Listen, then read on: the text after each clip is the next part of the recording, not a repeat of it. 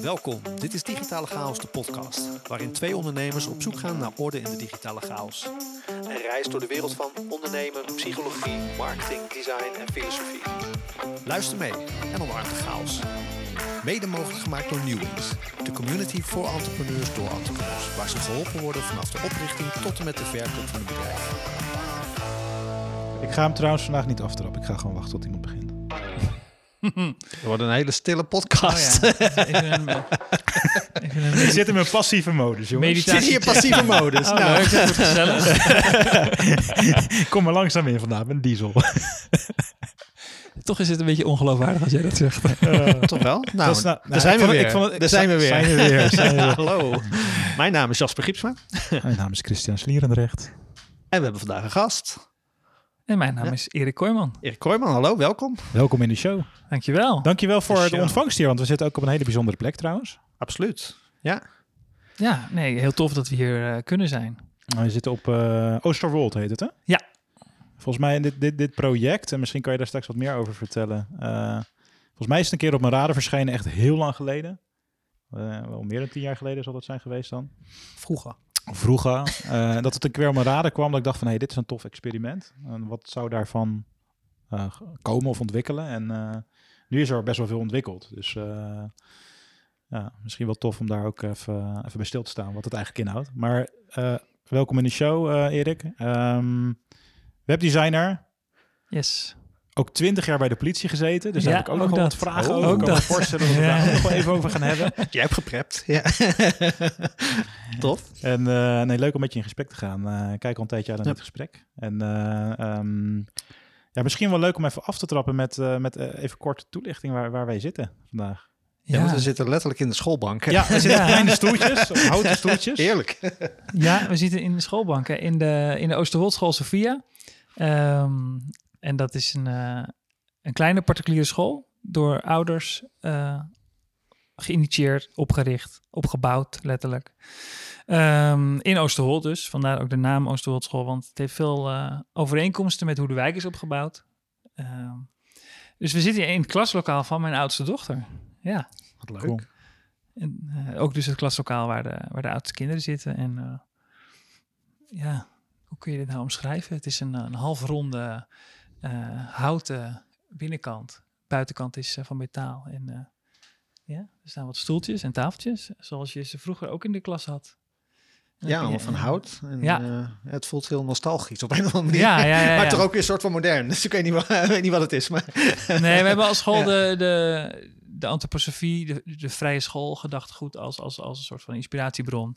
Mhm. Maar wel ook met eh, heel veel meer vernieuwende perspectieven ook op het onderwijs eh, vormgegeven. Want Ja, jullie, hebben dit, jullie hebben dit zelf gebouwd, toch? Met een aantal ouders. klopt. En hoe, hoe gaat dat dan in zijn werk? Want je bent dus niet verbonden aan, aan eh, zeg maar de richtlijnen van een bepaalde scholenkoepel of zo? Of, Nee, je hebt in Nederland Eh, natuurlijk de onderwijsinspectie die ja. toeziet op de kwaliteit van het onderwijs. Daar Ja. vallen wij ook gewoon onder hoor. Maar omdat wij hebben gekozen om dus onszelf te financieren, dus dat maakt het par- particulier, Ja. ehm, hoeven wij dus aan nou, heel veel van de regels en richtlijnen van de onderwijsinspectie niet te voldoen. Ehm, dus we hebben veel meer vrijheid. Die hebben we dus eigenlijk letterlijk gekocht Mhm. om het onderwijs vorm te laten geven door de leerkrachten zelf. En er zit dus ook geen stichting boven die daar dan weer op toeziet. Het zijn echt de leerkrachten zelf die dus naar hun eigen inzicht en, en vak, vakkundigheid hier het onderwijs verzorgen voor ook eh, kleinere klasjes. Eh, wat natuurlijk ook een heel... Dat krijg je dus ook niet op een, reguliere, op een reguliere school goed gefinancierd, omdat dat gewoon te duur wordt. Ja. Ja, ja dat is het ook. Hier ook. Maar is hier, dan, is, is is hier dan nog een rechtsvorm aan verbonden? Ja, de, de ouders en de leerkrachten samen, die zitten in een coöperatie. Oké. En de leerkrachten zelf hebben weer een maatschap. Ja. Nee. Ehm, en dat is, het, dat is het. En de coöperatie heeft wel een bestuur, maar dat hebben we op afstand georganiseerd. Ja. En eh, we dragen een met elkaar... ziekenhuismodel of niet? Dat is toch in het ziekenhuis ook een beetje op die manier? Met maatschappen en... eh, Ja, in ieder geval de artsen wel, ja. Ja. Ja, Ja. klopt. Interessant. Ja, heel gelijkwaardig vooral. Dat is de basis. Dus echt een platte organisatie. En eh, dat vereist heel veel werk om dat te laten werken. Maar ze heeft totaal geen machtsverhoudingen of andere ongezonde prikkels die je niet in een school zou willen. En als je het dan zeg Ja. maar binnen de eh, context plaatst van Oosterwold als geme- gemeenschap of eh, eh, project, ehm, eh, zijn alle docenten, wonen die hier dan ook? Dus hebben die ook ja, een binding met deze plek? ja, klopt. Ehm, ja, dan kan ik meteen even een brugje maken naar Oosterwold. Want dat is dus een, een, ehm, een wijk binnen de gemeente Almere en Zeewolde. Vooralsnog is er alleen in, de, in het gebied van de gemeente Almere gebouwd. Ehm, het is inderdaad zo'n zo'n 10, 12 jaar geleden bedacht door een wethouder. Ehm, vanuit de visie van normaal ontstaat een nieuwbouwwijk op de tekentafel. Met de projectontwikkelaars samen en beleidsmensen van de gemeente. Mhm. En ehm, pas in de allerla- allerlaatste fase komen de mensen die er gaan wonen in beeld. En dat zijn namelijk de mensen die de huis gaan kopen. En dan is het al helemaal af. En hij zei, ja, kunnen we dat niet omdraaien? Thema werd toen mensen maken de stad. Mhm. En ze hebben gezegd, nou, we hebben hier heel veel eh, stukken polder waar nu nog eh, akkerbouw op eh, wordt gedaan. Dat heeft al sowieso de bestemming om daar de stad Almere mee uit te breiden. Maar als we nou eens gewoon de mensen die daar zelf gaan wonen, het zelf laten bepalen hoe ze, hoe ze die wijk gaan inrichten. En in de zin van stukje voor stukje eh, die grond verkopen aan, aan particulieren die daar dus zelf in vrijheid hun eigen huis op mogen bouwen. Ja, dat heb ik zelf ook gedaan. Eh, vanaf 2015 zijn we daarmee bezig gegaan. In 2017 zijn we hier komen wonen. En, eh, Twee jaar gebouwd? mm, Of- Nee, Nee? het was... nou, ik denk anderhalf jaar voorbereiden en vergunningen regelen en Oh, wow. al het gedoe. En toen hebben we eigenlijk van, eh, ja, ik denk van maart tot november gebouwd. Ja. Ja, dus, Dus eh, de, voorbereiding en alle, alle paparassen, dat dan meer tijd in beslag dan het bouwen Zeker. zelf. dat is wel het voordeel als je natuurlijk gewoon een individueel huis of, of, een, of een paar gekoppelde huizen bouwt. Mhm. Dan is dat ook gewoon waar die aannemer bezig is en niet met een hele wijk Ja. tegelijk. Want dat zie je natuurlijk vaak bij die seriële nieuwbouw. Dat, dat wordt gewoon in één keer zo'n wijk gebouwd. Ja, en dan duurt het veel langer. Hier zijn ze, is gewoon één aannemer bezig met één huis. Ja. En dan doen ze dat het liefst in de zomer. Dus dan is het inderdaad maart, april haaien. Ja. En voor de winter opleveren. Wat sneller. Ja. ja eh, onderweg hier naartoe in de auto, Jaspertje. Een mooie anekdote ook over... Ik kan hem even niet helemaal reproduceren, maar... Dat mensen ooit in Nederland hebben afgesproken... Oh, ja, nee, af en toe eh, zit ik een beetje in filosofische gedachte-experimenten als ik door een stad rijd. En dan zit ik dan als, eh, toen, we, ehm, eh, toen van de week aan het kijken was naar dit, eh, dit project ook, dan had ik zoiets van, ja, we hebben eigenlijk met z'n allen een heel aantal jaren geleden bedacht van, eh, we laten andere mensen onze huizen bouwen. Vooral Nederland. En eh, in Nederland zeker. En uh, daar is door de jaren heen een heel soort apparaat aan, aan, aan regels en richtlijnen en nou wat je zegt, hele papierwinkel aan, aan, aan gekoppeld. En um, tegenwoordig wordt inderdaad veel serieel gebouwd, de hele wijken die er hetzelfde uitzien. En um, eigenlijk best gek. Als, als, ben, ja. als, je kijkt naar het natuurprincipe van uh, je, je, loopt het bos in je, je, bepaalt van oh, hier ga ik een huisje bouwen ja. en uh, ja, dit lapje grond is voor mij, vind ik. Uh, dat, dat is er niet meer natuurlijk tegenwoordig. Nee, dus daar komt dit misschien nog iets bij in de buurt. Ja. En tegelijkertijd hebben wij ook ervaren in die hele in die hele, nou ja, want het was voor ons ook heel erg pionieren. Wij zaten echt bij de eerste groep die hier aan de slag ging. Dat je op een gegeven moment ook dacht, oh ja, ik snap het wel waarom dingen efficiënter zijn geworden. Want het is allemaal, nou ja, dan als voorbeeld, wij zouden dan, uh, wij waren dan in oktober zo'n beetje klaar met het afbouwen van ons huis, dus we wilden, wilden er wel in. Maar we hadden al de hele bouw op een aggregaat moeten werken, want we hadden nog steeds geen stroomaansluiting. Dat wordt Nee. namelijk normaal door een projectontwikkelaar en een gemeente jaren van tevoren aangevraagd en Mhm. ingepland door degene Ja. die dat moet doen. Ja. Dat overkwam ze nu opeens, want opeens gingen er allemaal particuliere aanvragen binnenstromen. En dat Oh. moesten ze allemaal in Help. korte tijd inplannen. Ja, help. en toen was het oktober, november. En toen zei ja, maar ja, nee, december worden die wel aangesloten. Maar dat hoorden we natuurlijk al best lang. Maar ja, wij, wij wilden heel graag erin. Ja. Dus wij toch maar erin. We hadden een houtkacheltje. We hadden dat aggregaat wat overdag aanstond voor de, voor de bouw van de rest van de buren die nog niet klaar waren. Maar december werd januari. Het werd een strenge winter. En uiteindelijk eind, eind februari, ja hoor, toen werden we aangesloten. Toen moesten we echt een hele winter met een houtkacheltje en, eh, en een campinggasje. En eh, een beetje kamperen in je eigen huis. En toen dacht je, al, oh ja, ja, ik snap het wel. Maar inmiddels, ja, dat, dat was wel echt voor de, voor de allereerste eh, het Ja. grootste probleem. Ehm, maar het zou mooi zijn als we wat meer terug kunnen naar dat eigenaarschap en, dat, en ook ondernemerschap. Ja. Dat, is, dat is ook wel leuk. Ehm, dat omdat er zoveel hobbels voor je werden gelegd in deze wijk, of worden gelegd, niet expres, hè, maar gewoon dat moet gewoon. Er zijn Ja, gewoon wettelijk ja, dingen gewoon die je moet regelen. Ja. Trok het ook alleen maar eigenlijk ondernemende mensen aan. Ja. Ja. En je hebt nu een soort tweede lichting die het gewoon koopt, omdat het al gebouwd is. Eh, maar alle mensen die het gewoon zelf hebben moeten aanvragen, eh, ja, Zie is je er ook verschillen in, zeg maar? In de, de pioniers en de mensen die Zeker, nu komen, zeker, qua ja. mentaliteit? qua, qua mensen die hier als eerste gewoon het wiel moesten uitvinden, dat zijn allemaal super ondernemende types. Zijn ook bijna allemaal of zelf hebben een bedrijf of zijn zelfstandigen. Zitten heel veel in de creatieve sector, omdat Ja. het toch ook, hé, je mag zo'n huis ontwerpen, je mag je eigen tuinen vorm gaan geven, moestuin, noem maar op. Eh, dus dat, dat heeft wel een bepaald type mens aangetrokken. Ja. Dat is zeker waar. Ja. En je hebt, je hebt ook, eh, eh, je kent dus beide kanten. Hè? Dus jij kent zeg maar leven in een omgeving waarin gewoon al die projectontwikkelaars de straat hebben neergezet. En je kent deze omgeving. Wat is dan in jouw, jouw beleving het grootste verschil? Nou, het grootste verschil is denk ik toch de verbondenheid en de samenhorigheid. Want Ja. ik heb hiervoor ook gewoon in een Phoenixwijk gewoond. ehm, waar er wel wat gewoon buurcontact was. Hè, omdat je toch in een soort van hofje dan woont of in een straatje. Maar dat had altijd een bepaalde, ook, ook een grotere diversiteit aan, aan mensen. Dus je had ook lang niet met iedereen een soort klik. En op een gegeven moment hadden wij toen zoiets van, ja, toen waren we weer eens naar Zweden op vakantie geweest. En dan kwamen we terug en dan kom je weer terug in je kleine postzegeltuintje. En dan denk je, oh, die ruimte mis ik. En, ehm, maar dan ga je dus twijfelen hè, van, ja, willen we, we willen wel eigenlijk in de stad. Want dan heb je gewoon mensen om je heen en gewoon voorzieningen en, en, en gewoon leven. Ehm, maar je wil eigenlijk ook dat landelijke, hè, wat je dus eigenlijk in een dorp meer zou kunnen vinden. Maar in een dorp mis je vaak weer een beetje de aansluiting. En Mhm. kom je er een beetje nieuw bij of zo. En dit is eigenlijk het beste van die twee werelden. Je hebt hier ja. en, een- en eigenlijk nog, nog beter, want je hebt hier dus een, een semi-stadse omgeving. Het is wel gewoon een wijk. Er zijn hier niet hele eh, weilanden meer of zo. Dat, ja, dat is aan het verdwijnen. Ehm, en, ook nog, en ook nog eens ehm, met mensen die allemaal een beetje op elkaar lijken. Ja, je connecteert Eh, natuurlijk op visie in de kern. Als je zeker Ja. bij de pioniers, zeg maar, die, die bepaalde visie van ik wil op een andere manier leven en wonen, zeg maar. Zeker. Dus dat, Ja. je hebt altijd een soort van overlap met elkaar. Ja. Maar wel het landelijke en wel de ruimte. Ja. Dus dat is wel echt iets wat dit eh, uniek maakt. Nou, dames en heren, dit was een, eh, het blokje City Marketing. ja, zeker. er is nog is beperkte ruimte. En het is in Almere, hè, jongens? Schrik niet. Het is in Almere. Daar moesten heel veel mensen... Dat was een enorme drempel voor heel veel mensen. Ja. Zeker voor een heleboel Amsterdammers. Hè, van, oh, ga ik dan naar Almere? Weet je wel? Ja. Vindt Ja. gij- het he- Almere als naam heeft een hele negatieve ja. ja. reputatie of zo. Dat vind ik heel gek, want je hebt best wel een diverse wijken in, eh of hele, Ja, het heeft, diversiteit kijk, het heeft natuurlijk geen, geen historische cultuur. Nee. en, en geen historisch cultureel centrum.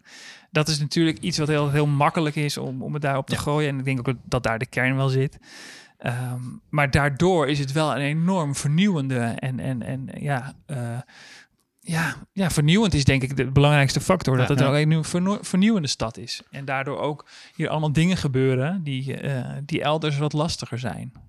Wat heeft, ehm, heeft deze wijk ook wel zeg maar, de aantrekkingskracht tot eh, nieuwe ontwikkelaars of, of eh, mensen die huizen gaan bouwen? Want ik kan me wel voorstellen dat hier als de, zeg maar, de bewoners de vrijheid hebben om zelf te bepalen wat ze willen, dat je hier wel trends kan spotten die mensen Ja. belangrijk vinden. Ja. Dus ik, als ik hier even doorheen rij, zeg maar zo met de auto wat we hebben gedaan, dan is voor mij heel natuurlijk om, als ik, als ik het dan zo om me heen kijk, denk ik van ja, duurzaamheid is hier wel best wel integraal bij iedereen eh, ehm, aanwezig. En, Ja. en daar is iedereen actief mee bezig, zeg maar. Zeker. Een mooi voorbeeld daarvan is, dat is ook een klant van me, Woonoplossing op Maat. Die hebben dus het concept van ehm, klein en compact wonen. Ja. eh, heel erg omarmd vanuit de visie dat er zoveel woningen nodig zijn, maar er ook maar beperkte ruimte is in Nederland. Ja. En hebben gezegd, we, het, we moeten het gewoon aandurven om kleiner te gaan bouwen. Ja. En eh, dat is voor heel veel mensen ook, dus die tiny house wereld is ook best wel groeiende volgens mij. En zij hebben dus het concept om dus eh, kleine buurtschapjes op te, op te zetten, ook hier in de buurt. Maar dus Ja. ook wel als een soort van semi-projectontwikkelaar achter. Ja, zo willen ze zichzelf niet noemen, snap ik ook. Ehm, maar daar dus wel een soort van begeleidende rol in te spelen, zodat die, die gemeenschappen daar met een, een groepje eh, tiny houses of compacte Ja. woningen, het hangt weer een beetje van de vierkante meters af. Eh, dus dat is zeker een concept wat daaruit voortkomt. Ja. In het begin had je het een beetje andersom. Toen kwamen er meer traditionele projectontwikkelaars hierop af. Die, die, die dienden gewoon een initiatief in en die gingen gewoon een stuk, ging gewoon een, klassieke nieuwbouwstraat eigenlijk kopen met, Ja. met een soort van vrijstaande huizen die allemaal hetzelfde waren. Ja. Dat is op een gegeven moment heel snel weer een soort van met een regeltje eh, ja, eh, beperkt. Omdat je dan de regel kreeg dat je eerst een gemeenschap moest vormen en dan pas als collectief een grond, de grond kon aankopen. ja. Maar goed, dat is eh, een, een andere beweging die we hier hebben gehad. En er zijn nog steeds wel stukken grond die aan het binnen Oosterwold vallen, maar nog niet ontwikkeld zijn, die dan wel al eigendom waren voor, van een projectontwikkelaar voordat Oosterwold kwam. Oké. Ehm, dus daar zijn ze ook nog niet helemaal uit wat daar gaat komen. Ja. Ja. Maar in- duurzaamheid is wel echt een trend. Dit is ook een eh, wijk zonder gasaansluitingen. Ah ja. Dus iedereen Ja. heeft een warmtepomp. Ja. En ehm, er is een, een, een eis dat je ook op je stuk grond eh, stadslandbouw doet. Dus moestuinen, boomgaarden. En ehm, je moet ook minimaal een, eh, acht keer je woonoppervlak aan grond kopen. Oké. Dus je kan daardoor ook niet heel verdicht gaan bouwen. Ja, Dus daardoor blijft het ook mooi Blijft ruim. het open. Ja. Ja. Dus daarom heb je ook grotere tuinen. En Gaaf, gaaf. Hey, je bent ondernemer, daar heb ik straks ook nog wat vragen over. Maar je hebt ook twintig jaar voor de politie gewerkt. ja, Eh, hoe is dat, om bij de politie om te bij de werken. politie te werken? Dat is heel tof. Tenminste, Ja, vanuit... ja. Niet, eh, misschien kan je wat vertellen over de rol die je daar hebt Ja. gehad. Ehm, Nee, ik ben, ehm, ik ben toen ik vanaf het eh, VWO kwam, wist ik niet wat ik wou. Ging elke keer naar die open dagen van de universiteit en ik dacht, oh, ik, elke maand wilde ik wel iets anders. En mijn vader werkte bij de politie en toen dacht ik op een gegeven moment, oh, dat kan ik ook gewoon doen. Terwijl in je jeugd vraagt iedereen het natuurlijk, hè, ga je ook bij de politie? En zei ik altijd, nee, nee, nee.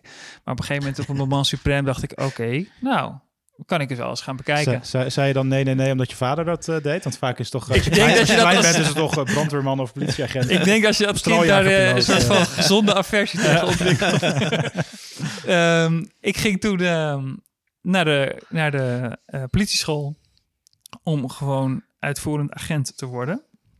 Ondanks mijn VWO-diploma, want ik zag mezelf, ik was ook nog best wel jong op mijn achttiende. En ehm, ik zag mezelf nou niet binnen een paar jaar leiding geven of, eh, of een of andere hoge pievenbaan eh, hebben.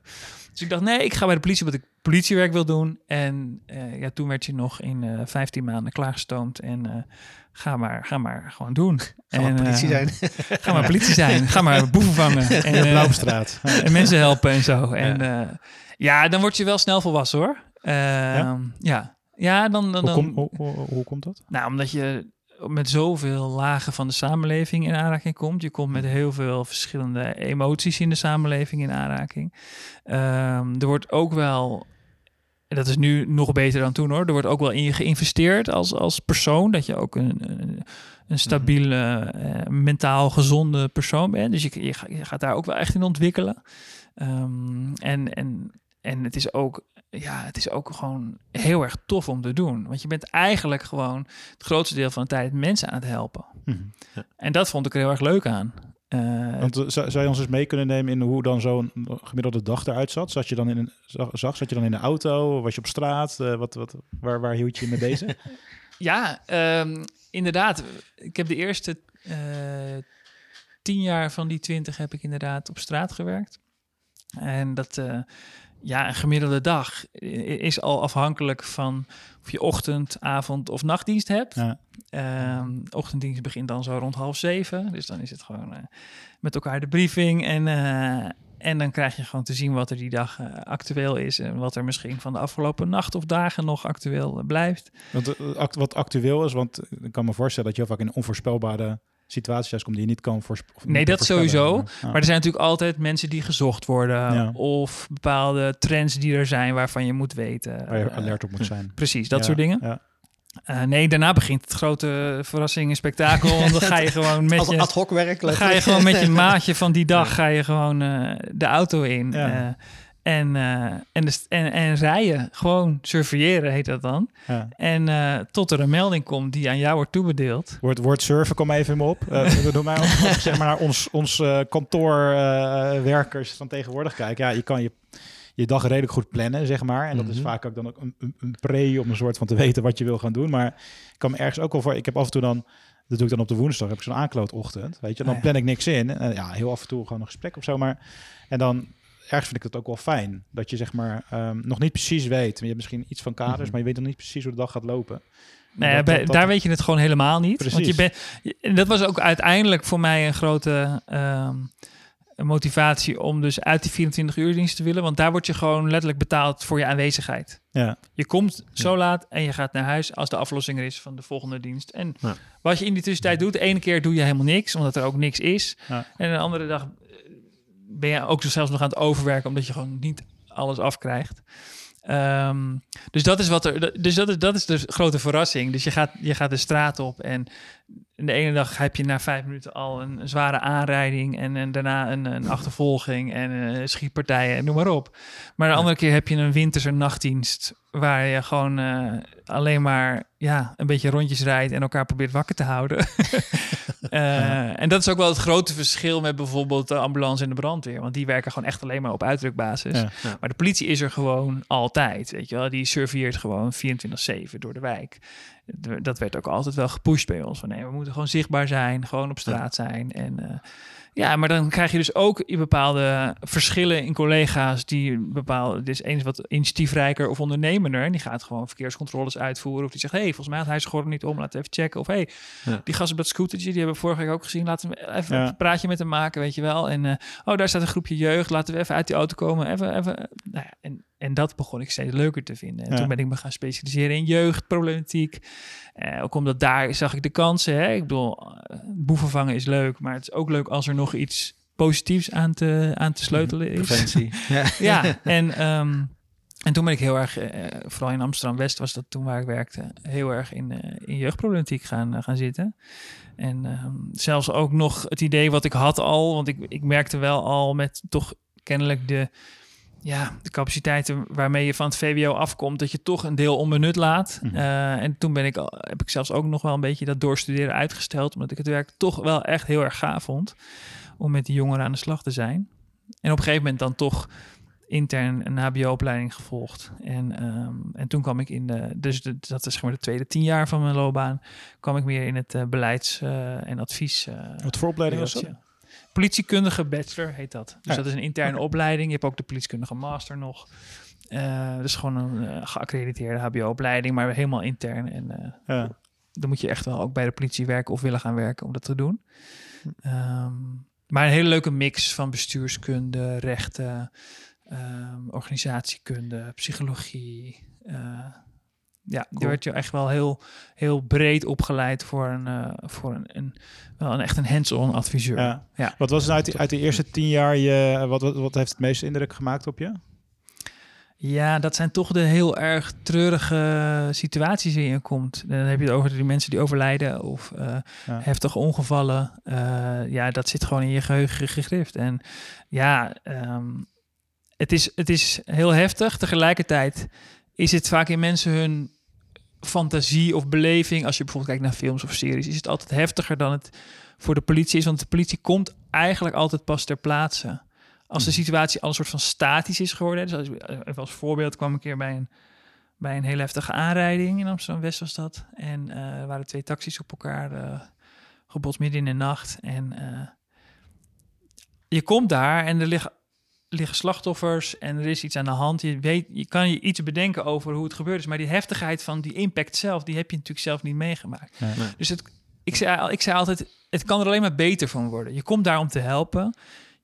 Er is hulp nodig en je gaat gewoon handelen. Ik noem dat altijd de hulpverlenersknop. Hè? Sommige mensen hebben hem, sommige niet. maar er zijn altijd mensen, als er wat gebeurt, die gaan dan handelen. Er zijn ook mensen die gaan gewoon wegrennen. Dat is ook heel goed. Want Wegkijken. Ja. of wegkijken. Maar ik herken altijd wel bij mensen die of in de zorg werken of dus bij de politie of zo. Die gaan dan gewoon handelen, want er is gewoon hulp nodig en dan gaat er gewoon een knop om. Ja. En dan heb je vaak pas als je dan in de auto naar huis zit, dat je dan even ja, breekt soms. Ja. heb ik zelf ook wel meegemaakt, dat je dan echt denkt. eh, zeker toen was ik bijvoorbeeld met een, met een jongere collega die nog in opleiding was. Ja, dan ben je gewoon alleen maar hem aan het mentoren en in de gaten aan het houden. Pas als je dan thuis, of ja, onderweg naar huis, dat je dan denkt, "Uah, dit was best wel heftig. Ja. Ja, ja, dus de, de, heftige, de heftigste dingen zijn vaak of met geweld of met overlijden, onverwachte overlijden binnen een gezin. Dat is ook heel heftig als mensen dan heel emotioneel zijn of een slecht nieuwsgesprek komen brengen. Weet je wel, dat zijn, Ja. dat zijn de heftige dingen. Ja. Ja. Ja, en ik, ik hoor je eigenlijk zeggen, die hulpverlenersknop, die heb je dus in de eerste tien van, jaar van je carrière bij de politie ingezet, maar eigenlijk ook in het preventiestuk daarna weer soort Ja. van door kunnen trekken. Ja. en als je dat dan, ehm, eh, als je dan nu doorvertaalt van, oké, je bent nu, eh, hoe lang ben je nu ondernemer? Eh, drie jaar. Drie jaar. Zeg maar, zijn er dan dingen uit jou, uit die twintig jaar politie, die je nu ook actief inzet? In je samenwerking met klanten bijvoorbeeld? Als je dat doorvertaalt? Ja, een van, een van de belangrijkste wapens van een agent is zijn mond. En ehm, dat heb ik daar ook echt wel geleerd. Gewoon praten met mensen en maar ook luisteren naar mensen. Ja. En dat is wel een van de, een van de skills, denk ik, die ik, die ik heel eh, dankbaar heb me- mogen meenemen naar mijn, naar mijn ondernemerschap. Ehm, ik, ik was bij de politie eh, ook op een gegeven moment eh, daar wel achter dat ik, dat ik het ondernemerschap zelf en ook een stuk creativiteit in de klassieke vorm van mijn werk aan het missen was. Toen heb ik op een gegeven moment ook nog. Hoe mee- bedoel, je- hoe bedoel je dat? Je nou, dat uitleggen? in, in mijn klassieke ro- rol van adviseur, waar ik, eh, waar ik de laatste tien jaar dus eh, had, zit er weinig, weinig ondernemerschap en creativiteit. Althans, niet, niet zoals ik hem kon invullen. Ehm, toen ontstond er een beweging, Blue Movement, voor, voor vernieuwing en verbetering van de politie.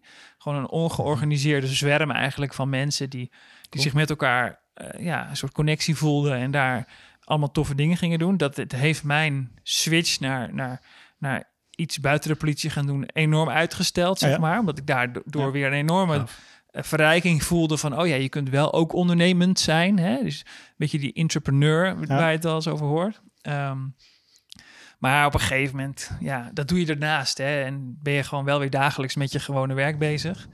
Ja, en toen kwam corona en dat was voor mij eigenlijk de, de, de katalysator naar, ja, vanuit huis voelen hoe dat is om te werken. eh, er wat naast proberen op te bouwen en te merken, hey, dit gaat eigenlijk best wel lekker. Dit vind, als ik dit eh, in eerste instantie deed, oh, dit ga ik erbij doen. En dan op een gegeven moment Naast je, naast je baan. ja, eerst was mijn idee, Ja. want het grappige is, want we zitten nu in deze school, maar eh, toen ging onze middelste naar school, maar er zit een enorme prijskaartje aan je kind op deze school hebben. Ehm, toen dacht ik, oh, dan kan ik van dat geld wat ik erbij verdien, kan ik wel die de, de, de die naar school gaat, kan ik daarmee eh, financieren, zeg maar. Ja. Dus dat was eerst heel erg mijn idee. Maar op een gegeven moment merkte ik dat die twee werelden gewoon zo ver uit elkaar lagen. Kijk, je hebt heel veel mensen die werken in loondienst en die gaan hetzelfde werk dan als zelfstandigen doen. Dat is heel logisch, want Ja. je hebt heel veel ervaring opgebouwd en je voelt op een gegeven moment, ah, nu wil ik touwtje, zelf touwtjes in handen, dan ga ik voor mezelf. Logische stap. Dan neem je Ja. al die ervaring die je hebt, neem je gewoon mee. En dan heb je een enorme ja, voorsprong of nee, heb je al een vliegende start. Bij mij was het echt twee totaal verschillende werelden. Ja.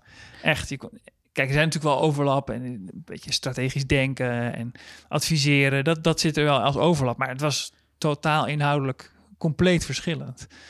Ehm, dus dat was op een gegeven moment wel wat ik dacht van, oké, als ik dit echt wil doen, webdesigner, als ik dat echt wil doen, ja, dan moet ik hier gewoon, eh, gewoon echt vol voor gaan. En toen heb ik eigenlijk een jaar proef gedraaid. Van, Oké, zou ik dit echt, als ik dit fulltime ga doen, ja, het is toch altijd een grote sprong in het diepe. Eh, dat, dat bleek het Dat is ook weer. mooie aan ondernemen. Ja. Ja, ja, maar toen voelde ik op een gegeven moment Ja. wel van... oké, ik, heb, ik heb voldoende vertrouwen... eh, en misschien ook wel voldoende lef... om het gewoon te gaan doen. En, eh, en mijn ontslag in te dienen na, na 21 jaar volgens mij. Ja, Wauw.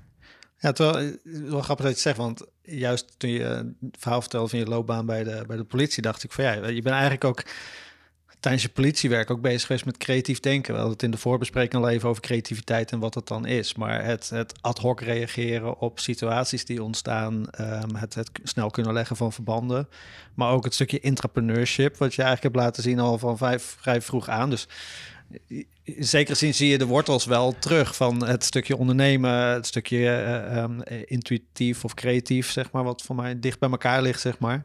Ja. Dat, dat zie je wel al, Ja, dat op zich wel terug. ja, ja dus dat, dat voelde ik wel al vrij snel. Ik, ik, ik weet nog heel goed in de eerste vijf jaar... dus dan was ik allemaal begin 20... toen had ik altijd zo'n klassiek beeld van, oh ja, iedereen die hier bij de politie werkt, die wil uiteindelijk eh, gro- doorgroeien. Hè? Een beetje die groeimentaliteit van naar, naar misschien wel leidinggevende. Of hey, dat is Ja. een heel beperkt wereldbeeld heb je dan. En toen kwam ik er na een paar jaar achter van, oh nee, dat heeft helemaal niet iedereen. Grappig. Dat was echt een soort van, eh, oké, een soort mindshift van, oké, dus er zijn ook gewoon collega's van mij die vinden het prima om dit tot een pensioen te blijven doen. Ja. Wat heel waardevol is, anders Zeker, zou die ja, hele zeker. organisatie niet kunnen bestaan. dacht ik, oh, oké, dus dat onderscheidt mij een beetje van de rest. Ik wil graag groeien. Oké, oké, nou dan kom je... En dan kom je dan gaandeweg achter. Oké, wat onderscheidt mij dus? Oh, dan krijg je een paar keer te horen van, oh, oh ja, jij bent zo creatief altijd met, met oplossingen bedenken. Dan denk je, oh, oké, grappig. Life, give, life gives you hints. Ja, precies. Die je een soort van moet oprapen. af en. En, en ik was tijdens, die, tijdens dat, dat- nog dat uitvoerende werk, was ik dus ook heel erg ook al aan het, aan het nadenken over het werk. En dan ga je vervolgens ga je dan dus studeren. En dan blijken er allemaal boeken te staan waar dat allemaal al in staat. Wat jij zelf ook al over aan het nadenken was. Nou, dat was natuurlijk smullen, een soort snoepwinkel van, oh wauw. Een hele studie met, met, met, met theorieën waar ik zelf eigenlijk al jaren mee aan het Ja. eh, rondlopen was. Was het dan een soort van eh, bevestiging of herkenning? Of Ja. wat, wat, wat, wat ja, heet dat ja. dan? Ja, dat werkt echt als een soort van. Ja, wat is het? Het is, het is een soort van bevestiging van: hey, wat grappig. Ik ben niet de enige die hier al over na heeft gedacht. Ja. Ja, het is misschien heel. Ja, het, is toch, je bent- begint toch met een heel klein wereldbeeld als, als je zo. Ja, dat, dat die wereld binnenstapt. Maar dat, daar zit ook veel waarde in, hè? Ja, gewoon überhaupt, Absoluut. dat is een soort van, dan is je, je boek misschien een klankbord, maar dat kan je natuurlijk ook met mensen om je heen. eh, nou ja, dat zat ik net aan te denken, inderdaad. Als je, Ja. zo, als je zo'n zo'n mastermind of cohort, inderdaad, daar een soort, een soort groepje. Want dat, dat miste ik dus ook in het begin. Want ik was natuurlijk, ik kwam helemaal nieuw in die wereld van webdesign. En, Ja, hoe is dat en- gelopen, zeg maar? Hoe ben je Ja. erin gerold, zeg maar? Nou ja, kijk, ja, dat is wel grappig. Ik, want ik, het was natuurlijk niet dat ik van de ene dag dacht van... hé, hey, ik ga wel websites maken. Kan mij het schelen. Nee, ik was... eh, Je ik was beleid aan het schrijven voor de politie en dacht, hé, hey, webdesign. Ja, goh, laat ik dat eens proberen. Nee, ik was eh, als kind, of eigenlijk als tiener... Ik bedoel, ik ben, eh, ik ben nu eh 40, dus ik ben van de generatie die de, die de computer zag binnenkomen in de huiskamer. En Prince of Persia. Prince of Persia en de eerste, thema. de eerste modemgeluidjes. En, Mag ik, jou dan, mag, jou dan meteen, mag ik jou dan meteen de enige, de enige vraag stellen die wij meestal vergeten om te stellen? Hoe digitaal volwassen Ja, ja. vind jij jezelf? Dat is een hele goede vraag. Nou ja, dan is het, het veilige antwoord is redelijk. maar ik was wel altijd al bovengemiddeld geïnteresseerd in de Ja. digitale ontwikkelingen. En Omdat je ja. natuurlijk toch als tiener dat allemaal ziet binnenkomen. Als het internet en eh, wauw, wat kan er allemaal. MSN. MSN, eh, ICQ. Hebben jullie nog een hotmailadres trouwens? Jazeker. Nee, ja, nee Ja. die heb ik niet meer. Mijn vrouw heeft er nog wel. Dus, Hij doet het wel nog, maar wordt door, geredirect naar Outlook volgens mij. Partij Oh, ja, ja. spam wat daar binnenkomt, is niet joh, normaal. Dat is mijn- spamadres hoor. Ja, maar, eh, precies. maar ga verder. We waren dus bij, dat de, was- Prince of Persia. Ja, ja, precies. Nee, dus ik had Keen altijd al... En ik weet nog wel dat toen ik denk ik een jaar of 14 was... Toen had je eigenlijk... Dat, dat was misschien wel een van de eerste low-code web, webbuilders. Dat heette toen volgens mij Homestead. En dan kon je ook echt met een hele, hele basic... Nou, het was niet eens drag and drop, denk ik hoor. Maar het was echt, echt een soort van allereerste probeersels van, van webdesign. En dan had ik toen voor mijn eigen sportclub, waar ik toen, eh, team waar ik toen zat, had ik daar iets gemaakt. Het heeft volgens mij nooit online gestaan of zo. Het was gewoon, gewoon een soort van spelen. En ehm, dus dat was al, denk ik, zo begin tienerjaren. Toen ik bij de politie ging werken, dat heb ik net niet eens gezegd. Maar toen was, toen was het heel erg de.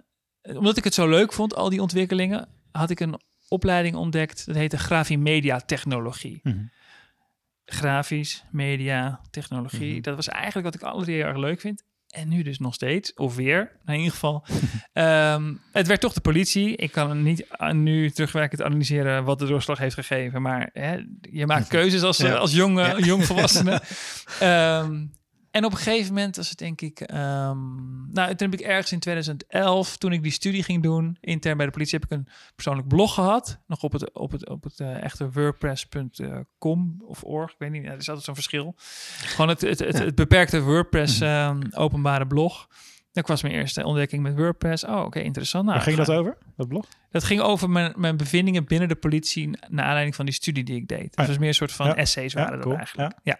Staat volgens mij nog steeds wel ergens online. Hoe werd er toen op gereageerd? Want dat is dan misschien vrij nieuw. Ja, heel leuk. Ik had Ja? toen, ehm, er was toen ook een experiment van een soort intern Twitter bij de politie. Dat heette Politie Plus. Want toen was ook net Google Plus. Ja. er werd toch een beetje eh, iets maar gejat. en, eh, en daar kon ik dat dan op delen. Dus dat was heel leuk. En volgens mij Ja. deed ik toen, zat ook wel op LinkedIn toen. Dat was ook een beetje pionieren dan. ja, niet dat veel mensen dat deden toen. Nee, maar, politie. maar natuurlijk in de brede zin was het wel het blogtijdperk. Dus daar ging ik wel zeg maar in mee. Dus het was mijn eerste kennismaking met Word- WordPress. Oké, oké. En toen was mijn vrouw na de geboorte van onze eerst, eerste dochter... ehm, die werkte eerst in het onderwijs en, en die merkte toen... Hey, ik, ik kan dit moeilijk combineren met het, met het moederschap. En na lang week en wegen was het toch het moederschap waar ze voor koos. Dus die stopte toen met haar werk. Maar dat zoiets van, ja, ik wil wel iets... Ik wil nog wel iets meer dan Ja. alleen maar moeder zijn. En eh, zij heeft een bovengemiddeld talent voor marktplaatshandel. Oké, gaaf. Nice. En ehm, dat is een beetje een soort van haar hidden superpower. Nou, ja, niet meer zo hidden inmiddels. Want zij begon er toen dus een... Het idee was om een webshop mee te beginnen.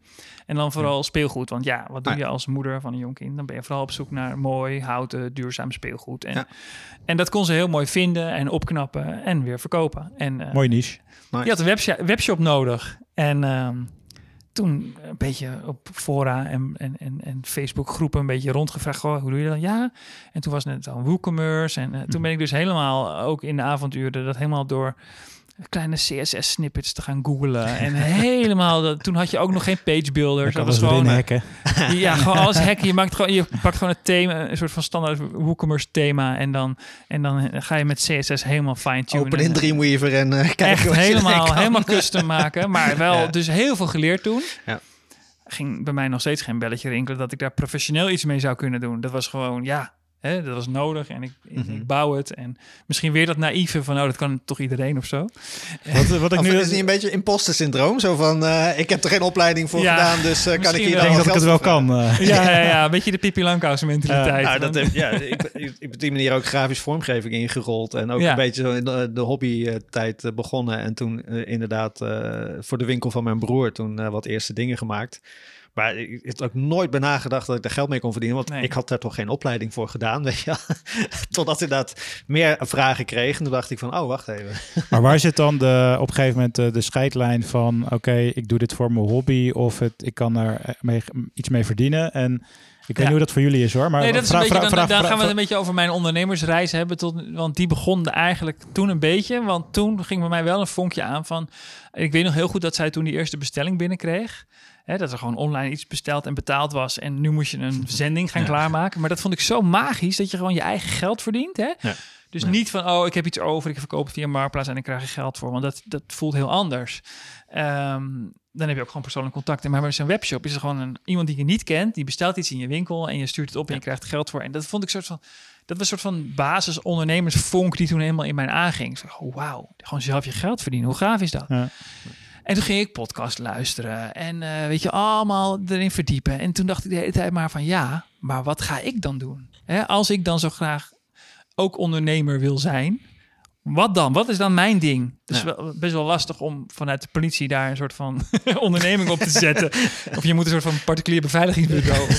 maar dat, dat was nou ook niet Private mijn ambitie. detective, ja. ja, precies. En toen gingen we naar Oosterwold dus. En toen dacht ik, oh, maar wacht, dat zijn natuurlijk allemaal van dit soort gekkies die naar Oosterwold gaan. Dan vind ik vast wel iemand waar ik dan wel misschien een soort klik mee heb. En dan iets wat ik nu nog niet weet uit gaat ontstaan. En ehm, dat kwam ook niet. Nou, oké, dan niet. maar er was wel toen een, eh, iemand eh, binnen, een andere ouder binnen de school, waar we toen waren een soort van grote schoonmaak aan het doen en toen of aan het klussen of zo, want we moeten natuurlijk alles zelf doen. En die zei toen op een gegeven moment van, eh, oh, ik werd van de week weer gebeld door zo'n bureau wat wel eh, zei dat ik hoger in Google kon komen.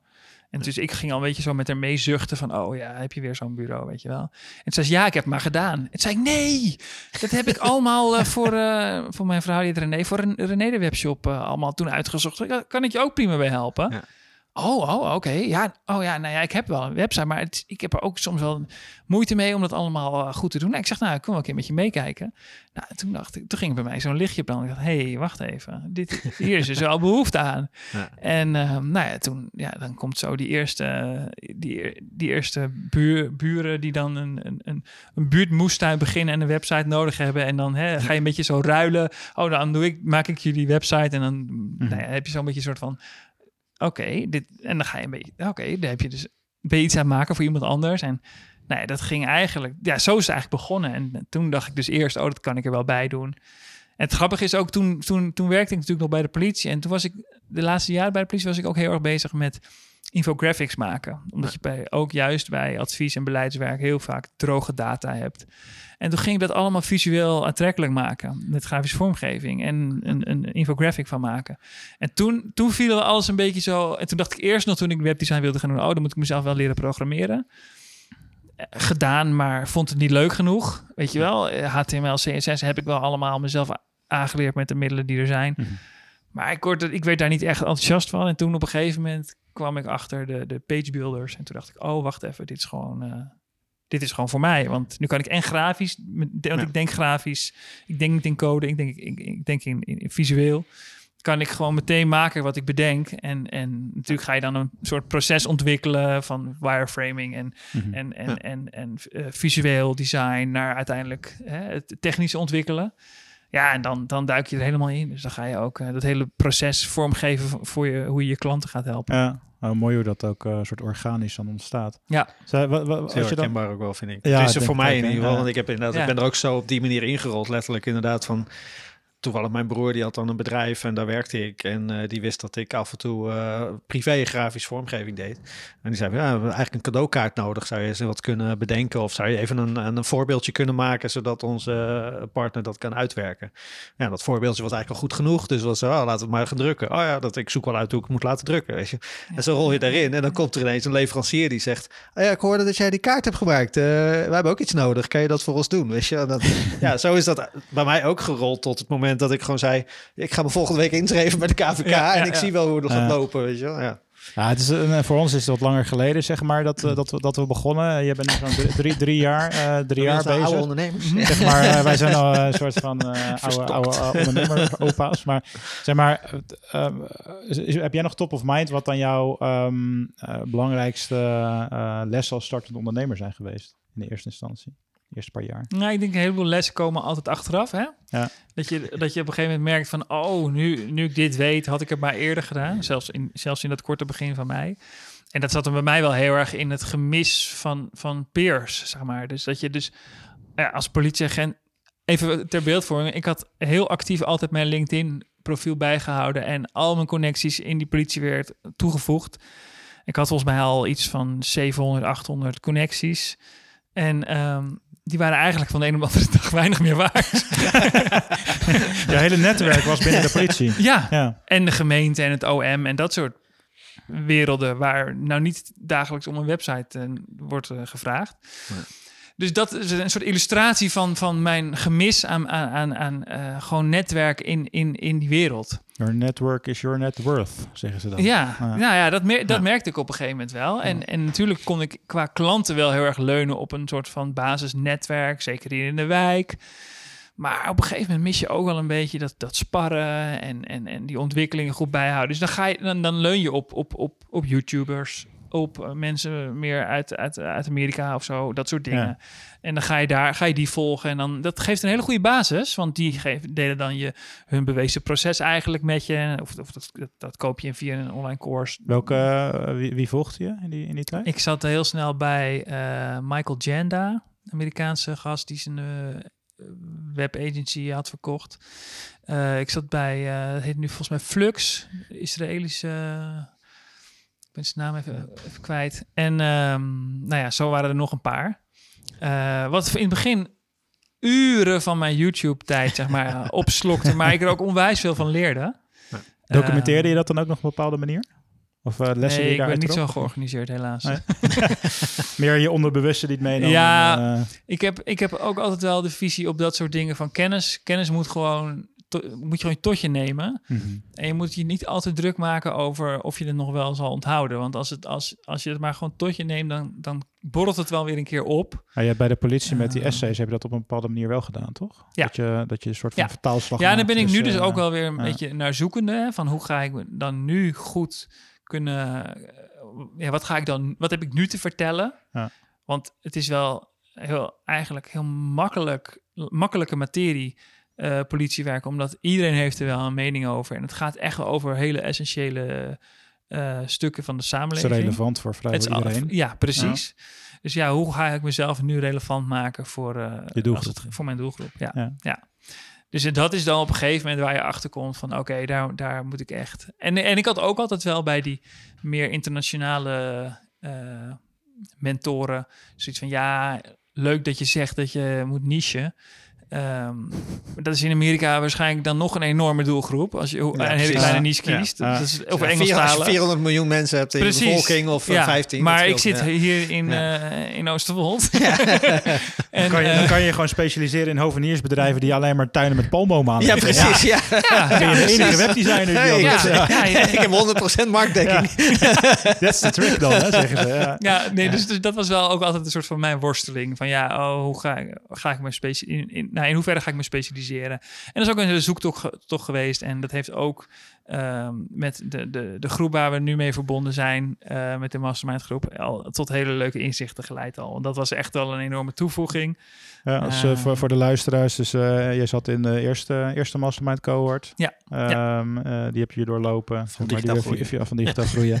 Ja. Ehm, eh, en daar hebben we nog, eh, er zijn jullie zijn maar, we hadden recent eh, een tijdje geleden de laatste sessie. En eh, jullie zijn nu eigenlijk die groep ook, hebben jullie doorgezet. Ja, ja. Hoe, hoe, hoe, hoe zijn jouw ervaringen? Zeg maar, wat heb je dan uit dat proces gepakt? Ehm, eh, wat je nu dan, eh, wat je eerst miste, wat je nu dan hebt gevonden, zeg maar. Nou, wat ik eigenlijk al sinds ik dus ondernemer wilde worden en me er heel erg ging, ging verdiepen, hoorde ik altijd al verhalen over accountability en mastermind groepen en dat soort dingen. En toen dacht ik, oh ja, dit hoor ik nu wel heel vaak. Ehm, dat sla ik dan, dat weet ik inmiddels, van, dat sla ik dan ergens op. En wat bijvoorbeeld een, eh, een mooie eh, vergelijking is, dat ik bij de politie binnenkwam. Toen hoorde ik altijd heel veel mensen van, van overspannen of getraumatiseerd of PTSS. En, dan, en dat neem ik dan ook allemaal in me op. En dan ga ik een soort van eh, op mijn hoede zijn. Dan denk ik, oh, oké. En daardoor heb ik binnen de politie ook altijd mijn grenzen goed kunnen aangeven. Dus even als, als vergelijking. Maar omdat ik dus ook altijd hoorde over die mastermind en, eh, en accountability, ehm, dacht ik, ja, daar moet ik, daar, daar zit volgens mij de sleutel naar, naar meer, ehm, ja, wat is het eigenlijk? Het is een stukje eh, stok achter de deur. Het is, het, het is een stuk motivatie. Het is, ehm, maar ook, het voelt soms ook een beetje als, als een shortcut of vals spelen. Zo van, oh wauw, ik, heb, ik, kan niet, ik hoef het niet allemaal in, in mijn eentje te doen. Ja, ik moet wel in mijn eentje doen, maar niet alleen, zeg maar. Ja, want dat is natuurlijk wel het, het allergrootste contrast in dat opzicht tussen je politiewerk of, of ondernemerschap. Bij de politie heb je natuurlijk ontzettend veel collega's. Ja. En als je gaat ondernemen, ben je ineens in je eentje. Mhm. Ik zei ook wel eens gekscherend, ik ging van de grootste werkgever van Nederland, Ja. want dat is de politie, Naar de ging ik naar de kleinste. Ja. Ja, Ja. Ja, ja, ja, dat is ook echt eh, een enorme stap geweest. En door corona was die, voelde hij al wat, Mhm. wat, wat vloeiender. Ja. Ik was, zat al alleen thuis te werken. Ehm, wat hier ook geen straf is hoor, als je hier woont. Want ja, je loopt zo het bos in. En ik had wel eens te doen met collega's die in de stad woonden. En die zat echt smacht om weer naar kantoor te mogen. Nou, ik vond het eigenlijk wel prima hier. ik had hier zo mijn eigen, Ja. mijn eigen netwerk al en, eh, en genoeg ruimte. Lekker veel frisse lucht. Precies. En, ehm, maar ja, daar, daardoor moest ik daar wel echt aan gaan werken. En dat, dat kwam eigenlijk dus vorig jaar pas echt goed van de grond. En nu merk ik nog steeds. En, en het grappige is, je had net ook al een beetje, noem je het imposter. En dat zit ook ergens in mij, altijd. Omdat ik dan denk, ja, hè, wie ben ik nou? En, en het leuke van zo'n mastermind groep is, en dat is volgens mij met heel veel groepen waar je aan deelneemt, is dat je erachter komt, oh, ik ben niet de enige die Ja, hiermee worstelt. absoluut. Ja. Eh, of die twijfelt over zijn doelgroep of over zijn positionering. En dan, en dan hoor je de ene keer hoor je iemand van ja, maar nu heb ik het. Ik ga dit en dit en dit. En ik heb helemaal, oh, ik ga mezelf rebranden. Ik ga het helemaal zo. En dan ben ik helemaal jaloers oh, wat is, hij heeft het gevonden, weet je wel. En dan een maand later hoor je hem, nee, nee, ik heb toch weer alles, eh, ik heb toch weer alles, eh, nee, ik ga het toch anders doen. Ah, En weet, je, weet je waar volgens mij het mechanisme waar volgens mij heel veel waarde in zit, is dat je gewoon ehm, het speelt zich niet allemaal meer in je eigen hoofd af. Dus je kan zeg maar valideren van oké, ik heb een idee. Is het een goed idee? Ja, nee. Zo nee, kan je terug naar de tegentekentafel, kan je weer itereren en je kan meteen vanuit verschillende perspectieven ernaar laten kijken. Terwijl dat is de valkuil van heel veel ondernemers. Die blijven een soort van in een bovenkamer gaan alles uit, uitdenken. Dan moet alles eerst staan. Eh, dat, zo heb ik het zelf in het begin ook eh, vaak eh, gedaan. Ja, dan moet het eerst helemaal perfect staan. En dan ga ik pas valideren. En dan kom ik terug. En dan merk ik dat er geen marktfit is. Nee, Je moet hem omdraaien. Ja. Weet je? En dat, dat kan je aan. En Maar wij, wij bedoel, hier ook. Want het heeft jou dus ook wel twee, tweeënhalf jaar geduurd voordat... Want je- wist wel van masterminds af en van accountability en Ja, dat maar soort ik dacht, hoe kom je daar nou? Als je helemaal niemand kent, dan is dat best wel spannend, zeg maar, om Wat ik- daarin... ja, wat, had je wel vanaf het begin het idee van ik wil daar iets mee? Of Ja, ja, van ja. dat besef later pas? Want Nee, dat had ik wel. Dat zat er wel misschien niet altijd even bewust, maar ik had al wel al lang voor ik ondernemer was, had ik wel al het besef. Van, oh, dat is wel een van de een van de groeiversnellers, om het zo even te noemen. Ehm, eh, om, om, en, ja, en, maar ik wist ook wel, net als met het, dat het webdesign soort van op mijn pad kwam. Ik, dat soort dingen moeten ook gewoon op je pad komen. heb je het eh, eh, eh, boek Think and Grow Rich gelezen Ja. toevallig? Want eh, daar is Ja. het concept. Ja. Dat boek is Ja. natuurlijk al heel lang geleden geschreven. Maar daar wordt dat concept ook geïntroduceerd. Ja. Maar dan meer als een soort van imaginary mastermind. Dat je ook gewoon denkt van ik zit met deze rolmodellen aan tafel. En die worden mijn advisors. Ja. Ehm, eh, maar nu ik erover nadenk, deze podcast is ook ontstaan uit een mastermind eigenlijk. Ja, absoluut. Dus wij Ja. we hadden een Ja. groepje en uiteindelijk, ja, dat is niet tijdens corona niet in stand gebleven. Maar wij hebben toen wel, Ja. zeg maar, een soort eh, ritme in stand gehouden. Nou, van we hebben letterlijk, eh, letterlijk op een gegeven moment accountability buddy idee eh, gehanteerd, zeg maar. Maar ik vind het wel weer grappig, want het doet me heel erg denken ook aan twee afleveringen terug met Meerte. Toen we het ook hadden over sommige lessen. Ehm, die, die kunnen je wel verteld worden, maar soms moet je het meemaken om te ervaren hoe het is, zeg Ja. maar. En dat vind ik met dit eh, heel erg sprekend, zeg maar. Elke ondernemer die begint zo van, oh, ik ga aan de slag. En die komt er dan op een gegeven moment toch achter van, hey, ik heb geen collega's. Ik moet het inderdaad allemaal zelf doen. Geeft soms ook een best wel hoge druk of zo. Eh, Ja. en inderdaad het idee van, oh, dan moet ik dit maar leren en dan moet ik dit maar doen. En dan denk ik, wow, ik ben de enige die dit aan het beleven is. En dan ga je in gesprek met anderen en dan kom je er ineens achter van, hey, iedereen gaat dit door en iedereen heeft deze gevoelens. Maar dit, of, maar dit is wel echt een ding hoor. Want ook, Ja. ehm, zeg maar, er zijn heel veel mensen die nu een soort van gevangen zitten. Dus in, ofwel in een soort gouden corporate kooi. Of in Ja. een situatie waarbij ze in een, in een uurtje factuurtje situatie zitten. En liefst ze gewoon wat meer eh, ruimte en vrijheid krijgen in een roze ondernemerschap. Of ze werken met klanten die, die eigenlijk meer hoofdpijn geven dan energie. Ehm, ik denk wel dat het valt of staat met eh, jezelf omringen met mensen die dus op een andere manier naar de materie kunnen kijken. Eh, net zoals dat ik heel veel heb gehaald uit ehm, eh, bijvoorbeeld eh, ah, mijn eh, heb ik ook ontmoet in de poker community. Ja. Ehm, wij, wij dachten op een bepaalde manier over dingen. Nou ja, de hele wereld die, die denkt van wat ben je aan het doen? Een spelletje, kan je er geld mee verdienen? En wij wisten dat dat kon. Dus je hebt een soort van Ja. ja, eh, PR-bevestiging die op een Ja. andere manier naar materie kijkt. En ik denk wel dat ook voor mensen die nu in die situatie zitten, die nog soort van gevangen zitten, of die net beginnen met ondernemen, waarom zou je niet meteen starten met jezelf omringen door zo'n groep? Dus eh, en dat is meer de opkomst van communities. Dat komt nu volgens mij steeds meer op, ook voor jongeren, ook voor, voor de aankomende generaties. Eh, ik, ik zou echt iedere startende ondernemer adviseren om al voordat je onderneemt, tijdens je studie of, of tijdens je, je baan, sluit je aan bij een community. Want dan kan je Ja. al een soort van die groep om je heen vormen. En dan heb je echt een soort springplank ehm, als je zelf zelfstandig gaat. Ik durf wel te zeggen dat het nog eerder begint. Een van de kernwaarden van de school waar we nu zitten is ondernemerschap. Mooi. En die kinderen zien elke dag dat die ouders en die leerkrachten het hier allemaal zelf hebben opgebouwd en, en, en blijven opbouwen. Mhm. En eh, wij hebben bijvoorbeeld onze kinderen ook nog nooit zakgeld gegeven. Nou, mijn dochter heeft een behoorlijke spaarpot. En die, is gewoon, eh, die gaat dan de vuilcontainers van de hele straat aan de weg Uit eigen zetten. initiatief? Of, Ja, eh, ja, die bedenkt dan gewoon dat soort dingen. Of die gaat ijsje, een ijskar bedenken zomers. En die gaat dan, eh Ja. koopt ze een grote bak ijs bij de Albert Heijn. En dan gaat ze, Wauw. en horentjes. En dan gaat ze met een leuke bel, gaat ze met een vriendin door de straat. Wat gaaf. Ja, En dan gaaf. verkoopt ze allemaal ijsjes. En dan leert ze dus ook, hey, als ik dan zoveel uitgeef aan een bak ijs en ik vraag zoveel per ijsje, hey, dan heb ik gewoon mijn bak ijs terugverdiend. En plus meer. Kan Dit ik zou, nieuw dit, ijs dit, dit zou ik dus, de- deze, deze kernwaarde zou ik graag bij elke school in Nederland ja, ik ook. Ja, En het is het, het voorbeeld wat in de voorbespreking voorbij kwam. Dat eh, van, die, van die Stanford-professor die ik, eh, die vertelde. Dat hij eh, aan zijn studenten een, t- 10 dollar gaf. En, en tegen iedereen zei: Jullie hebben twee uur de tijd.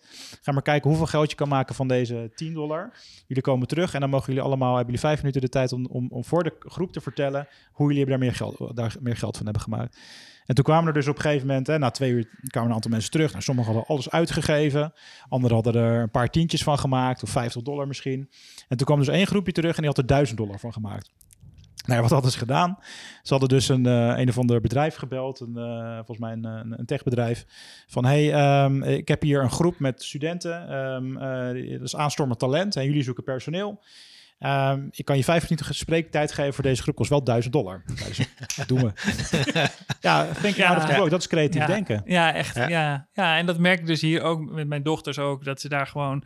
eh, en, en ergens voel je dan dus ook, en dat is dan natuurlijk een beetje zo, als je, hè, ik ben dan net 40 geworden, dan denk je, oeh ja, ben nog niet oud, maar ik ben ook niet meer jong. En dan denk je, oh, en dan zie je zo je kinderen en dan denk je, oeh, ja, zij gaan wel slimmer worden dan wij. Weet je wel?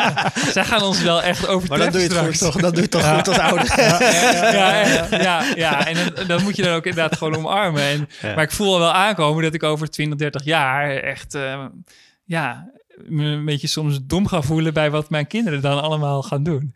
Maar nee, inderdaad, ondernemerschap zit er dan al jong in. En eh, ik denk ook zeker dat dat, ehm, dat het in het onderwijssysteem eh, nog veel beter kan. Ik, de- ik denk ook, zeg maar, van eh, wat in me ook opkomt, van ze zijn daardoor wel meer klaar voor de toekomst. Want als, Zeker. als, weet je, eh, als de wereld alleen maar onvoorspelbaarder wordt, dan, dan worden waarden zoals ondernemerschap, creativiteit nu, nou, natuurlijk nog belangrijker. Ja, zeker. Ja, nee, dat denk ik zeker. Ja, dat is ook iets wat ik wel herken. Ik ben nu dit jaar 14 jaar ondernemer.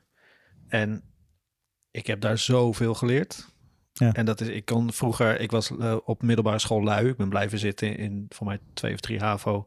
Omdat ik gewoon te lui was voor om huiswerk te maken. Ik, ik las bijna geen boeken, wat dan ook. En nu verslind ik boeken. Ik, weet, ik, ik zuig informatie op als weet ik veel wat. En ehm, ik, had- volgens mij vijf, zes jaar geleden of zo was ik bij een event op Nijrode. En toen was ik in een soort groepsgesprek met een aantal hoogleraren. En die vroegen op een gegeven moment echt van... welke universiteit heb jij gedaan? En toen zei ik, ja, ik heb mijn, ik heb mijn eh, hbo niet afgemaakt. en dan, maar het is toch eh, eh, ook mensen die ik hoor die langer ondernemen. eh, dit, dit is zo'n groei... vers- ja, een groei versnellen. Ja. versnellen voor je, voor, je, voor je kennis, je kunde, je skills. Het is zo, zo waardevol. Echt, Ik heb, eh, ik heb ja. dezelfde ervaring, maar ook gewoon dat je zeg maar dan de, de theorie kan vertalen naar praktijk. Ja. Dus dat Ja. hetgeen wat je leest in een boek, dat je gewoon heel selectief van kijkt van deze dingen zijn relevant voor wat ik doe als ondernemer. Ja. En integreer het, weet je wel. En ook niet blijven hangen in die kennis. En dan wordt het tof om te leren. Ja. Maar ook ja, tijdens school had ik een hekel aan boeken lezen, schoolboeken lezen. Nu vind ik het geweldig. En het is ook breder dan, ondernemen is ook breder dan een eigen zaak hebben. Hè? Want je kan ook in een loondienst gewoon, of, Absoluut. of niet Ja. eens, als je niet eens werkt, kan je ook gewoon ondernemend in het leven staan. Ja. Kijk naar waar we nu in deze wijk zitten. Er zijn allemaal mensen die, die hebben op een gegeven moment bedacht, ik ga, ik ga die stap wagen. Ik ga in dit rare veld ga ik een huis proberen te bouwen. En dan moet je, en als je die, dat is volgens mij een van de skills die je in de toekomst nog veel meer nodig gaat hebben, omdat je gewoon nou ja, dat heeft heel veel raakvlakken met zelfstandig denken, kritisch denken. eh, ja. gewoon aanpakken. Gewoon doen, lef hebben, moed, moedig kunnen zijn. Toen ik, toen ik ontslag nam, het enige, eh, het bijna het enige woord wat ik van allemaal collega's... Jeetje, wat moedig, weet je wel. Terwijl voor mij was het een soort... Ja, ik weet niet. Het voelde een soort van als een soort van verlossing meer. Bijna. Van, oh, nu mag, ik, nu mag ik eindelijk los van, van die werkgever waar ik Ja. al eh, zo lang wel heel warm mee verbonden was, hoor. Maar, maar ook wel gewoon klaar was. Maar dat, dat, dat mensen dus heel vaak het heel moedig vinden als je dan, dan ook zelf dus de verantwoordelijkheid neemt. Dat is het ook. Dat je gewoon Ja. hè, ervoor kiest, ik ben zelf verantwoordelijk voor mijn eigen leven. Ehm, en dat kan je in allerlei, kan, kan je van opvoeding tot waar Ja. je woont, tot wat je eet, tot, tot wat je dan ook voor, voor ja, deel van je leven kan je dat ondernemende, en dat heeft ook heel veel met verantwoordelijkheid te maken, kan je dat toepassen. Ja, absoluut. En je weet, en, en het is ook de onzekerheid dan, die je moet kunnen omarmen.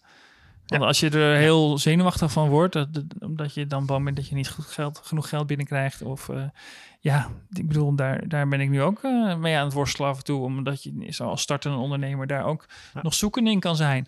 Maar ergens voel ik eh, het vertrouwen dat, dat weegt zwaarder dan de onzekerheid, zeg maar. Ja. Denk ik. En Ja, en ook vaak wel de passie die erachter zit. hè. Je weet gewoon dat je met iets bezig bent wat je ontzettend gaaf vindt om te doen. ja, ja. Ehm, ja, ik heb het al eens over reacties uit je omgeving, weet je, die dan, die dan komen waar de, heel veel mensen gewoon heel steunend zijn of, of opmerkingen komen uit ehm, waarvan je weet dat het uit een goed hart komt, wat dan ook, maar wel een soort voorzichtigheid in zit. Maar ik kom bijvoorbeeld uit een gezin waar ehm, eh, eh, ja, de beesten gewoon een lange tijd bij een werkgever werken, gewoon vastigheid hebben. En dan krijg je toch, zeg maar, soms opmerkingen zo van, ah, eh, in de begintijd van het ondernemen was het als ik, eh, als dan hoe gaat het nou? Dan denk ik, ja, dat was wel even uitdagend afgelopen maand. Ah, waarom zou je niet gewoon een baan naast hebben of zo? Weet je? Waarom zou je niet gewoon dit doen? En, uit, uit alle liefde natuurlijk van, van, van dat ik rond kon komen en dat ik veilig was. Maar ja, toch, toch een hele andere instelling, zeg maar, van hoe je, hoe je het, het verschil tussen werknemer dan en ondernemer vind ik dan soms een beetje. Ja. Ja, ja, en voor mij was het ook wel helpend dat ik natuurlijk ook echt all the way moest gaan. Hè? Of tenminste, dat, dat ik al, wat ik zei, hè? Ik, ik, ik kon het niet heel makkelijk combineren.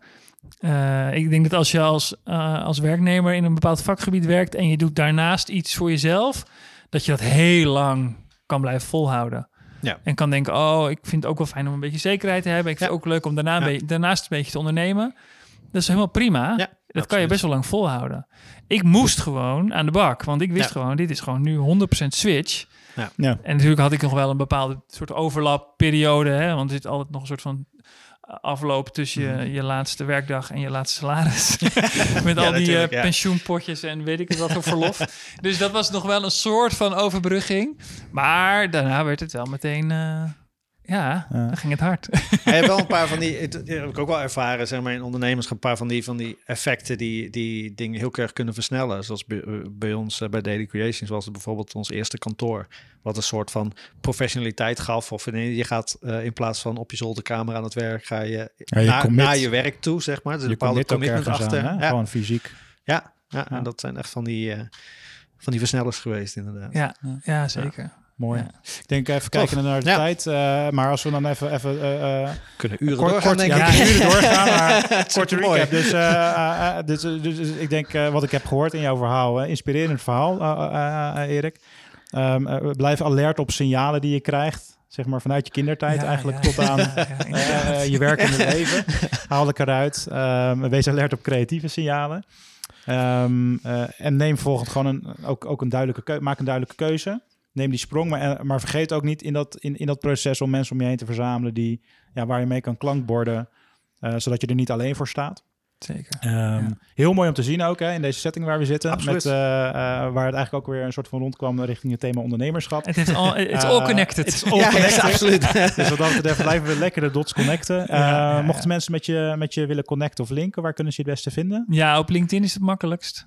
En eh mijn naam.nl, erikooijman.nl is mijn website. En Cool. eh, ja, Gaaf. dus eh, leuk. Nice. Dankjewel voor deze. Eh, Super bedankt. lieve luisteraars, vergeet ons niet te volgen. Eh, als je een melding wil krijgen als er een een nieuwe vraag? episode live is. Ehm, je hebt nog een vraag? Nee, hebben we nog een vraag van onze Ehm, sponsor? Oeh, ja, kunnen we hem even channelen? Ik ga hem weer even live bellen. Ga je weer live bellen? Het is altijd grappig als we dan, als we dan een interview hebben, dat we dan Ja, eh, vergeten om de vraag te stellen. Ja. Ja. Ja, maar dit is wel, dit is, dan moet hij wel echt on the, on the fly, eh, iets bedenken. Heel on the fly zijn. ja, super, super gaaf. Ja, ik wil hem toch gewoon nog een keer live in de uitzending. Ja, het moet, het moet toch een keer lukken op een gegeven moment. Ja. Het is wel vrijdagmiddag, is dat Ja. niet zo vrijdag? Ja. Yes, we hebben hem live in de uitzending. Live in uitzending! Woe! Eindelijk. Nee, nou, niet, niet helemaal live hoor, want we zenden nog niet uit.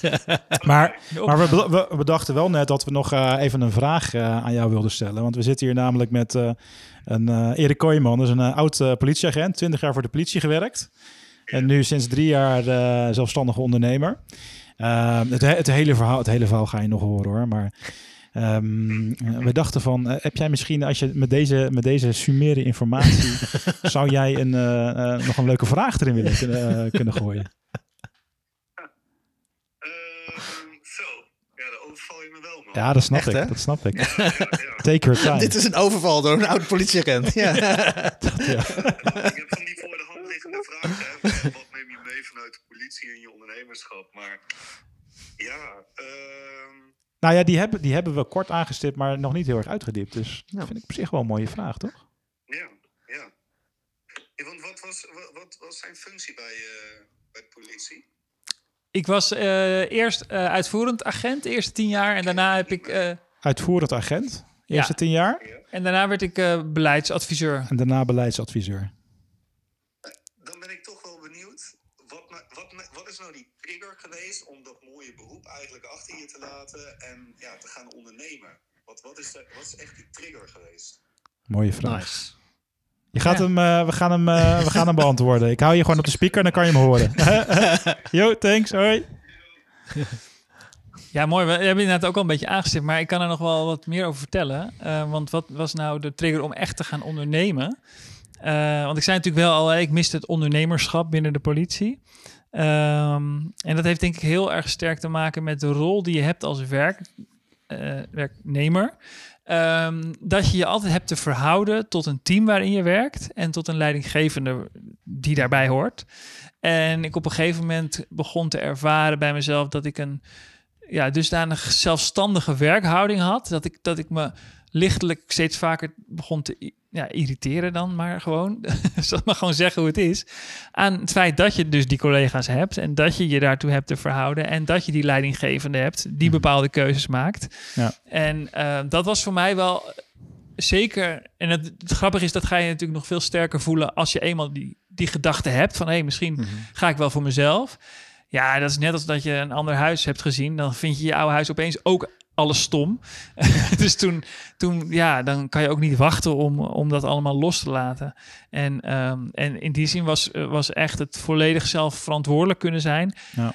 En ik bedoel, laten we zeggen, laat eerlijk zijn, ik had wel ook eh, wel een rol waar ik wel ook al heel veel vrijheid had hoor. En die ook wel nam.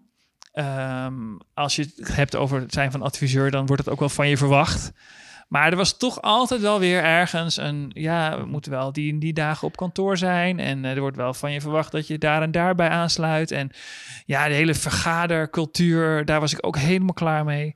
En ehm, ja, dus dat was voor mij wel uiteindelijk de, de- als je puur naar het ondernemerschap kijkt, de trigger om dus die stap te wagen van, van, van Ja. werknemer naar gewoon echt iets voor mezelf. Ja.